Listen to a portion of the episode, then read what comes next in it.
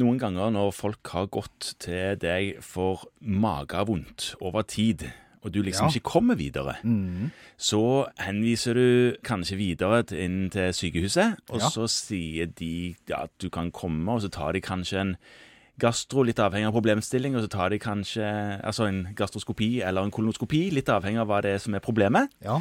Og så får du tilbake igjen, som du mistenkte, at de fant ingenting. Nei. Og så står det som velmenende råd fra spesialisten på sykehuset legen kan jo vurdere å ta en kald protektin.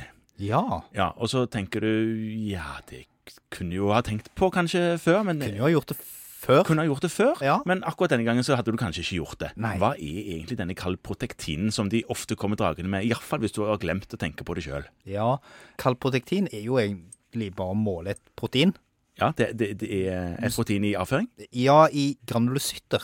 Å ja, i hvite blodceller? I hvite blodceller. Aha. Så det, det er et slags Ja, nesten som en CRP Ja, en CRP som du måler i bæsj? i bæsj. Ja. Og da, da må man jo levere en avføringsprøve, og det er det jo enkelte som kvier seg for. Ja, men dette er vel egentlig relativt pleier å si, si at de trenger jo ikke avlevere den på kontoret. Nei, og så er det jo en, mer en ganske renslig prosedyre, egentlig, hvis Ja. du bare instruerer litt i hvordan det kan gjøres. Ja, sånn at det, de får med seg et prøveglass med en fin skje og alt Ja. mulig. Så, så det går fint. Og så måler man da dette proteinet, det er varmestabilt, og det finnes i avføring, hos alle. Men det øker da ved inflammatorisk sykdom i tarmen. Ja, nettopp fordi inflammasjon fører jo med seg hvite blodceller. Ja. Og så er det litt avhengig av hva slags type inflammasjon det er, siden det først og fremst er et granulocytt-relatert stoff, Ja. protein. Så derfor så kan du si noen ting om det er en inflammasjon, eller om det bare er en irritabel tarm. ja, Så du kan bruke det til å skille de to tingene? Det kan du til en viss grad skille de Til to tingene. grad. ja. Den har i hvert fall en ganske høy positiv prediktiv verdi, sånn sett, Mhm. på at det er en inflammasjon i tarmen. Sånn at du vet at tarmen er betent. Men er det, en, er det sånn at eh, du vet, hvis den er høy, at du har enten med Crohns eller ulcerøs kolitt å gjøre? Ja, altså på det så har den vist en sensitivitet på 93% og spesifisitet på 96% hos voksne. Det er ganske, Det er ganske bra. Så, så hvis den er positiv, mm. så betyr det faktisk noen ting. Men Og hvis det er negativ, så betyr det faktisk òg ganske mye i forhold til, særlig i forhold til å utelukke Crohns og ulcerøs kolitt. Nesten mer det. Ja. men, men fordi at eh, man kan jo ha en urolig mage, Ja. eh, selv om man har bare irritabel tarm. Og hvis Ja. du har en urolig mage, har litt magesjau, så vil jo kalprotektin stige. Kan gjøre, Ja. ikke alltid. Ikke alltid, men han kan. Det kommer litt an på. Det, hvis det er volumeffekter som gjør det, f.eks. hvis du har en laktoseintoleranse, så vil den ofte ikke stige. Ok. Nei. Så det, det er egentlig ganske positivt sånn sett. Og en negativ test Ja. på persisterende symptomer, symptomer over tid, det vil nesten bekrefte at dette er en funksjonell sykdom. ja, altså utelukke eh, inflammatoriske tarmsykdommer. Ja. Og det, det er den ganske nyttig til.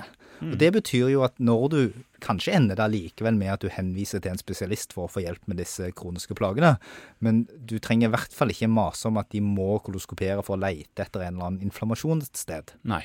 hvis den er negativ. Nei. Og ofte vil gastroenterologene da velge å ikke koloskopere, fordi de tenker at sjansen for å finne noen er liten. Nettopp. Og cutoff er 50, og ved sånn moderat forhøya, altså sånn 200-300, Ja. så er det uspesifikt. Men ofte ved skikkelig inflammasjoner så er den over 1000. Å ja, at du Ja. drar skikkelig til. Ja. Mhm. Og da, da begynner den å få ganske stor betydning. Så det kan òg hjelpe deg når du skal henvise inn, for da prioriterer de det annerledes hvis du kommer med en kalprotektin på 900. Ja, ikke sant? For det er mye tarm, så det kan være ganske mye irritasjon eller mye inflammasjon. Kan det gjøre det. Sånn at Mm. Hvor skal du sette cutoffen? Iallfall hvis den stiger sånn over 150 til 200, Mm. så er det god grunn til å koloskopere pasienten. Hvis dette er noe som på en måte er symptomer som har stått over tid. Ja. Selvsagt ikke hvis det er symptomer som har oppstått uka før. Da må det være andre ting som gjør at du henviser pasienten. Jeg skjønner. Men dette er jo òg eh, Symptombildet avgjør òg veldig mye. sant? Er det blod og slim?